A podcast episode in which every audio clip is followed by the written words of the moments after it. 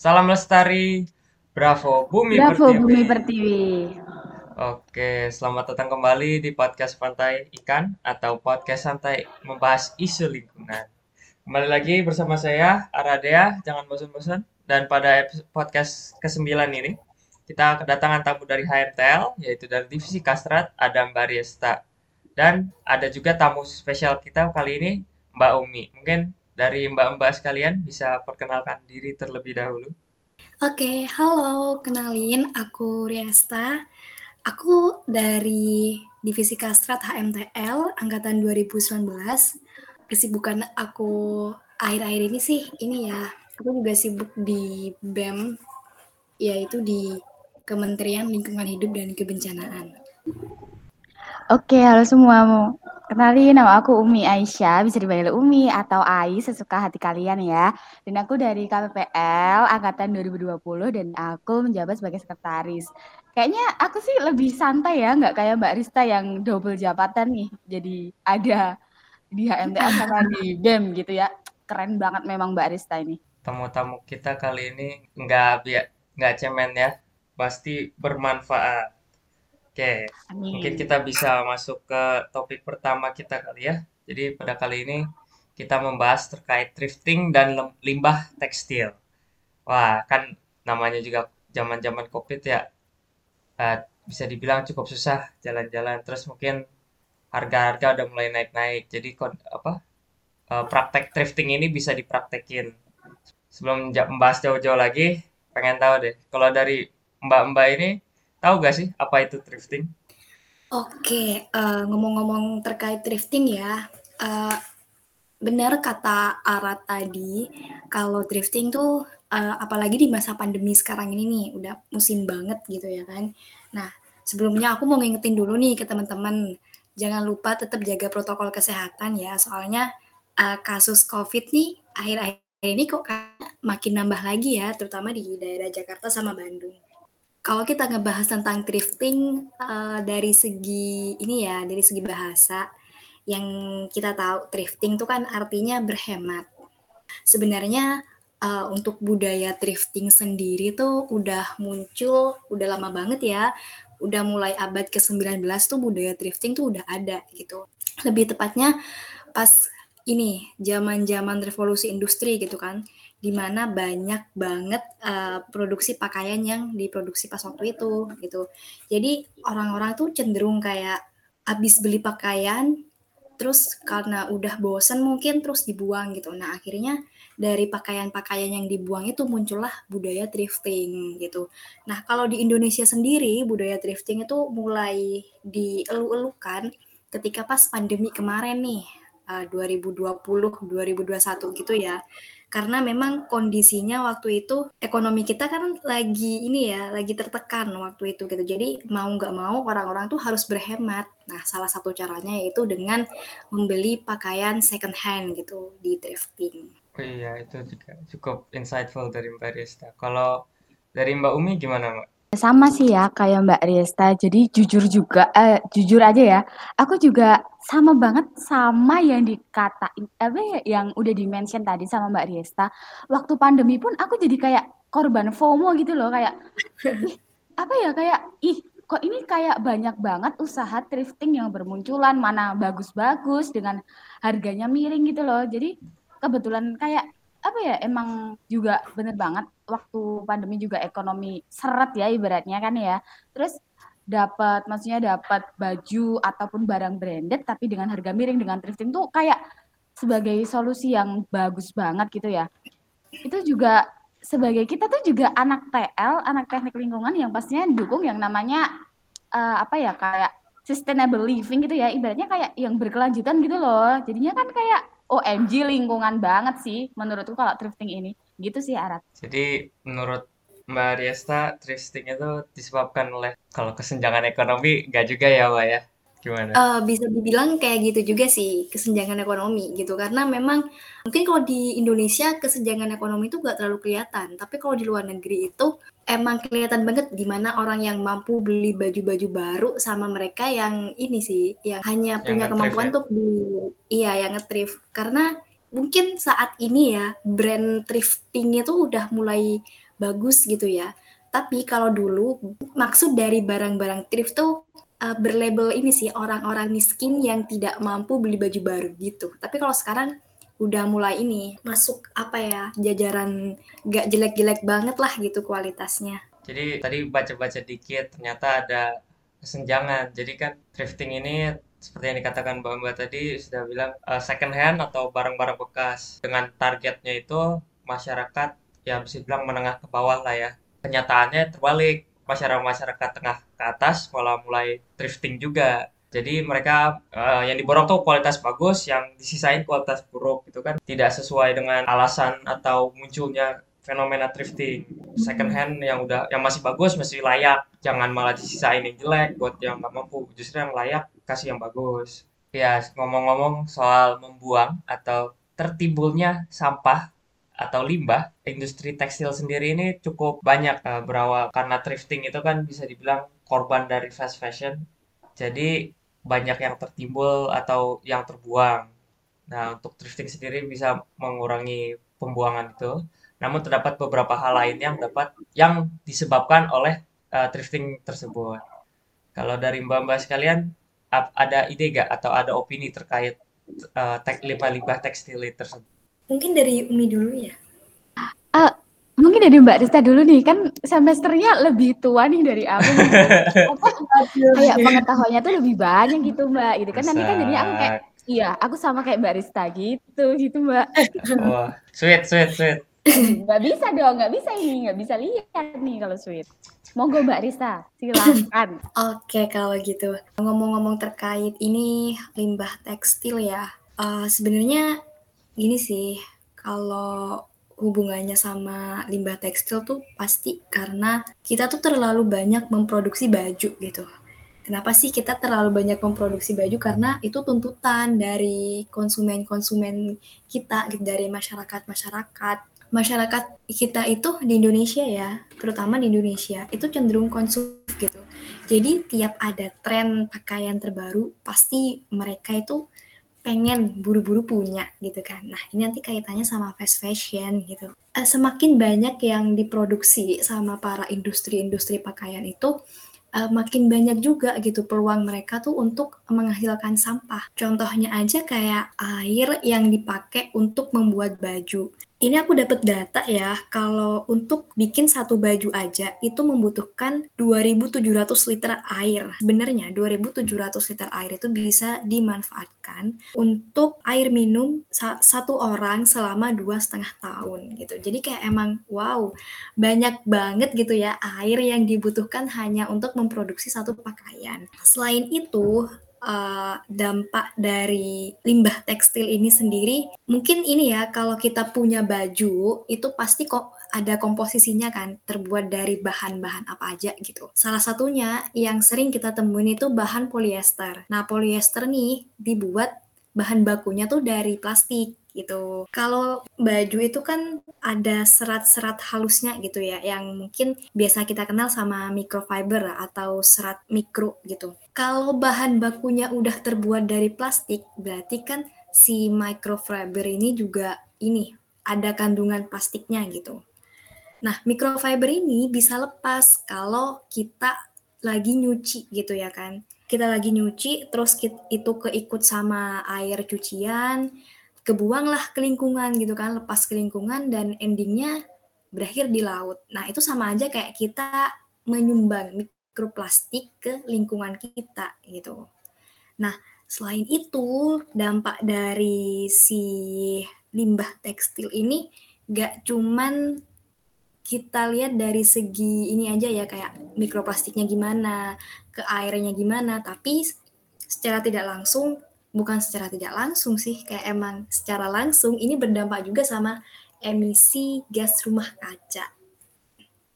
Ini di salah satu sumber itu menyebutkan kalau 10% dari kegiatan fashion ini, produksi fashion ini tuh menyumbang gas rumah kaca dari setiap ininya, kayak setiap prosesnya gitu ya. Karena memang uh, sebagian besar masyarakat kita tuh lebih suka sama barang-barang yang dari luar negeri. Nah, itu nanti kaitannya sama carbon footprint gitu, Arat. Wah, sangat informatif Pak ya. Jadi bisa banyak topik ini.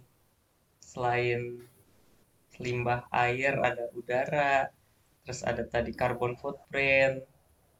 Wah, coba kalau dari Mbak Umi, ayo Mi, kalahin Mi. Waduh, waduh, aku aku dengar apa jawabannya Mbak Rizky langsung insecure. Ini sangat based on data sekali ya.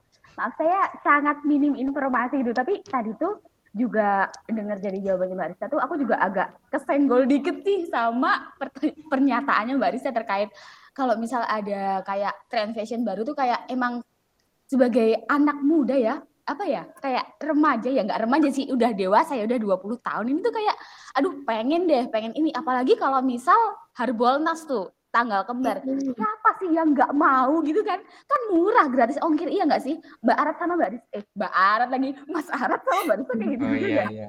kayak pengen gitu.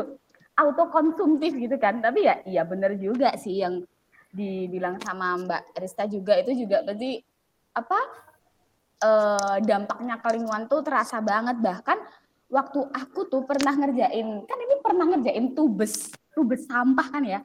Itu limbah tekstil pun kalau bisa aku cari komposisinya itu tuh termasuk kayak termasuk gede loh maksudnya komposisi dari limbah kainnya itu gede berarti kan itu juga salah satu dampak dari emang kita sebagai anak muda tuh yang sangat fashionable mungkin ya. Tapi sebenarnya tuh juga bisa diakali nggak sih fashionable itu dengan memilih terkait pakaian tuh yang yang kasual-kasual aja yang kayak enggak yang ibaratnya enggak kemakan zaman gitu ya. Terus tuh uh, kalau misal aku juga mau niru-niru Mbak Rista ya, kayak based on data gitu ya. Aku tuh dapat dari kayak uh, web kayak artikel gitu dari Indonesia SDGs Summit gitu kan ya. Kalau kalau misal tuh kan pastinya kan kalau misal ada tuh pakaian-pakaian yang enggak ibaratnya enggak enggak diminati sama pasaran gitu kan ya. Pastinya kan kayak kayak udah kemakan zaman gitu ibaratnya ya kayak anak muda tuh kayak udah ih nggak mau eh nggak mau yang ini dia kan. Pasti kan terus kebuang nggak sih? Kebuang percuma nggak sih? Nah katanya tuh kalau misal dari data ini tuh jutaan ton limbah itu terus jadi gunungan kain kusut di TPA kan kayak OMG numpuk di TPA dan bener juga tadi kan juga udah dimention tuh sama Mbak Arista kalau misal dari polyester gitu kan ya itu juga merupakan limbah yang paling sulit untuk diproses dan diuraikan gitu. Aduh, sehingga gunungan itu juga makin tinggi terus dibiarkan larut melalui sungai-sungai yang besar dan akhirnya juga benar juga ya dimention sama Mbak Rista akhirnya ke laut juga. Jadi lingkungan juga tercemar. Nah, maka dari itu tuh eh, karena kasus ini tuh kayak para aktivis lingkungan itu gencar banget untuk mengadvokasikan terkait upcycling gitu. Yang ya ini thrifting ini sih sebenarnya ya. Tapi ya itu sih yang udah kita mention bersama-sama juga kalau misal enggak bijak-bijak tuh juga sama aja gitu sih Rat. Kalau misal dari aku sih gitu aja. Mungkin opini ku ini enggak seberapa ya kalau misalnya sama Mbak Rista. Ini ya saya hanya mendukung pernyataannya Mbak Rista. Begitu Mas Arat. Oke, jadi itu informasinya sudah cukup informatif. Dari saya sudah cukup puas. Mungkin uh, selanjutnya bisa kita lanjut ke topik selanjutnya. Tadi kan kita udah ngomongin terkait timbulan limbah tekstil ya. Banyak juga ternyata uh, problem ini bisa bercabang dari air, udara, mungkin selanjutnya bisa ke tanah lah karena dari air lalu lelo anak TL tau lah yang nggak tahu kita googling sama belajar lagi sama dosen-dosennya oke selanjutnya mungkin kita bisa bahas. Kan kita udah bahas nih muluk-muluk tentang negatifnya. Banyak lah ribet lah pokoknya. Nah kira-kira kan uh, kalau dari mbak-mbak sekalian positifnya tuh kita bisa lihat di mana sih? Terkait drifting ini. Mungkin dari mbaknya bisa sweet dulu siapa yang maju duluan. Udah Mbak Mbak Mbak Rista dulu aja ya. Tadi soalnya saya kalah nih sweetnya. Aduh. Bahkan Waduh. kepada yang menang dulu Mbak Umi. Oke oke deh oke deh. Mungkin kalau misal menurut kacamata aku ya asik gitu kan. Jadi kalau misal menurutku sih kayak keuntungan dari thriftingnya lebih ke kalau misal itu tuh bisa kayak kita bisa dapetin kayak barang dengan kualitas bagus, tapi itu juga kita harus pinter-pinter milih ya, maksudnya dengan konteks kita harus pintar-pintar milih, maksudnya kita dapat barang yang kualitas bagus dengan harga yang murah. Intinya kita save our money, coy, kayak hemat gitu kan ya. Terus yang kedua, pastinya kalau misal thrifting ini kita juga menerapkan prinsip reuse gitu kan ya. Kan itu juga pastinya lingkungan habis gitu kan. Maksudnya kayak juga menghemat, kayak lebih ke memperhatikan lingkungan juga. Kita juga sebagai anak TL gitu kan ya. Aduh dari tadi branding TL mulu ya karena ya teknik lingkungan dengan lingkungan itu tidak bisa dipisahkan pastinya kan ya. Ya gitu. Terus apalagi ya kalau misal manfaat dari thrifting ini mungkin lebih ke hmm, kita dapat itu sih, dapat baju baru ya. Kayak lebih ke jadi kita punya stok baju tuh ya banyak lah ya, tapi ya kita juga harus tetap memperhatikan terkait itu sih apa namanya kita juga harus ngetrif barang yang timeless gitu loh. Jadi kayak nggak cuma main tren aja, tapi kita juga harus tetap memperhatikan terkait fungsinya, lalu yang basic-basic aja gitu. Jadi bisa di mix and match gitu. Oke, mungkin boleh dilanjut nih sama Mbak Arista, monggo. Oke. Bener banget kata Mbak Umi tadi. Jadi kalau dari thrifting tuh kita tuh bisa ngedapetin barang-barang branded dengan harga yang jauh lebih murah gitu. Nah, terus sebelumnya nih Mbak Umi juga sempat nyinggung-nyinggung tentang SDGs. Aku nggak mau kalah nih. Aku juga mau nyinggung-nyinggung tentang SDGs nomor 12. Kan di situ udah itu ya, SDGs nomor 12 tuh dia ngebahas tentang ini sih, responsible for production and consumption. Kalau nggak salah kayak gitu ya. Aku agak-agak lupa nih soalnya. Nah, jadi tuh kayak uh, kita mempertanggungjawabkan apa yang kita konsumsi dan produksi gitu. Jadi thrifting tuh sebagai salah satu bentuk kita tanggung jawab kita gitu dari barang-barang yang kita udah konsumsi. Jadi yang kita konsumsi nggak melulu berakhir di TPA di landfill gitu, tapi tetap bisa bersiklus gitu, di, bisa dipakai sama orang lain gitu. Selama itu masih layak ya. Terus juga uh, tadi Mbak Umi juga uh, nyinggung-nyinggung terkait pakaian basic sama pinter-pinter kita mix and match. Nah, itu juga menjadi salah satu solusi yang paling efektif ya gitu. Jadi uh, selain itu juga kita harus benar-benar mengubah mindset kita, terutama itu adalah di mindset. Jangan terlalu ini sih apa ikutan tren sih boleh ya, tapi kalau kayak terlalu konsumtif tuh jangan deh. Karena itu kayak selain buang-buang uang juga, terus kita juga nambah-nambahin sampah gitu kan kalau cuman beli apalagi pas Harbolnas gitu ya. Biasanya tuh salah satu aplikasi online shop yang warna terang tuh yang cerah banget secerah masa depan tuh memang harga-harga yang ditawarkan tuh memang menggila banget gitu siapa sih yang nggak tertarik buat beli gitu. Nah, tapi kembali lagi yang uh, beli aja yang kita butuhin gitu, jangan yang kita inginkan. Begitu. Oke. Jadi bisa dibilang yang beli-beli uh, mulai practice mindfulness sama harus uh, bukan cepat puas ya bahasanya, kreatif lah. Jangan dikit-dikit bosan, kayak si itu. Tapi ya selanjutnya ada idenya. Jadi nggak cuman baju itu itu tok lah ada variasi. Oke oh iya ini Mas Arat aku mau nambahin satu lagi dong. Silahkan uh, mbak. ini juga mm -mm. aku tuh pengen nyampein satu lagi ini terkait uh, ini sih jangan lupa untuk mencintai produk lokal gitu karena seperti yang udah dibahas sebelumnya kalau di industri fashion tuh kan nyumbang 10% ya ke GRK.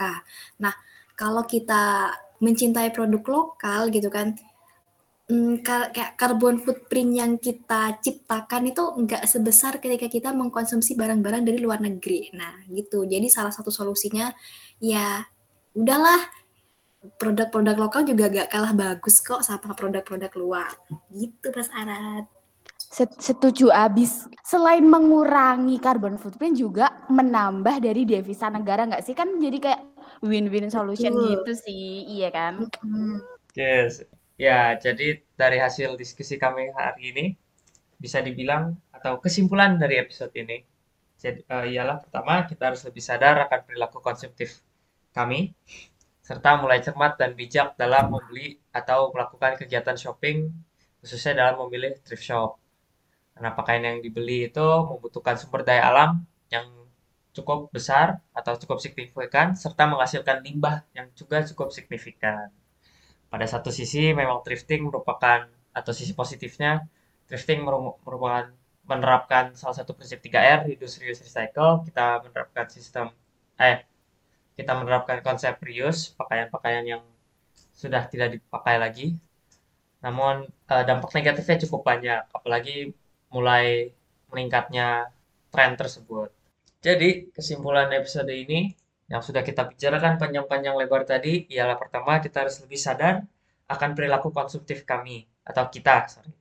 Dan serta mulai lebih pintar uh, untuk dalam kegiatan shopping kita, baik uh, dalam memilih mungkin online shop atau mungkin uh, toko-toko thriftnya mencari barang yang berkualitas uh, serta yang long lasting biar nggak beli-beli numpuk beli-beli terus numpuk-numpuk serta mulai lebih sadar akan uh, sumber daya alam serta energi yang dipakai untuk menghasilkan suatu produk dalam konteks ini pakaian serta limbahnya yang dihasilkan oleh produk tersebut.